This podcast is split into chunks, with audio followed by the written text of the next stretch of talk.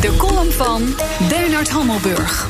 Amerika heeft zo ongeveer overal in de wereld militaire bases. President Trump doet het voorkomen alsof het om liefdadigheid gaat om bondgenoten te beschermen tegen terroristen en duivelse regimes. Dat moet maar eens afgelopen zijn, zegt hij. Al die landen moeten de beurs trekken en gaan betalen. Het plan heeft een naam kostprijs plus 50. Dus de gastlanden moeten de volledige kosten van de stationering gaan betalen en daarbovenop 50 procent.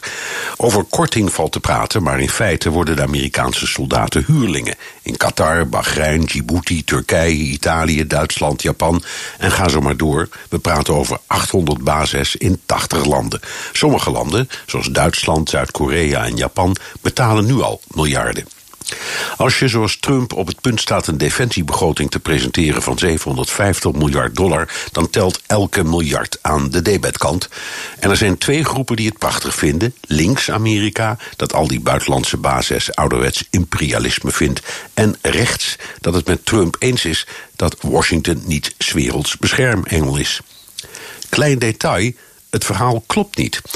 In 1823 ontwikkelde president Monroe een doctrine waarmee Amerika het recht claimde militair in te mogen grijpen op het eigen halfrond als de veiligheid van de Verenigde Staten in gevaar was.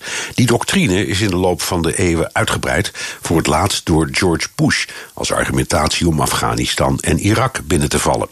Om snel en efficiënt militair te kunnen toeslaan moet je binnen schootsafstand zogezegd vliegtuigen, soldaten, startbanen en woonruimte ter beschikking hebben. Vanuit Turkije val je Syrië aan, vanuit Qatar en Bahrein Irak. En mocht er oorlog met Iran komen, dan is een basis in Irak handig, dat zegt Trump zelf. En bij de basis in Duitsland staat het fenomenaal goede Amerikaanse ziekenhuis, waar gewonde of getraumatiseerde Amerikaanse soldaten worden opgevangen. Veel bondgenoten beschouwen kostprijs plus 50 als afpersing. Sommige landen, zoals Qatar en Bahrein, zwemmen in het oliegeld en zullen er hun schouders over ophalen. Maar of Duitsland, Zuid-Korea en Japan het lef hebben om het concept van huurlingen af te wijzen, dat moet ik nog zien.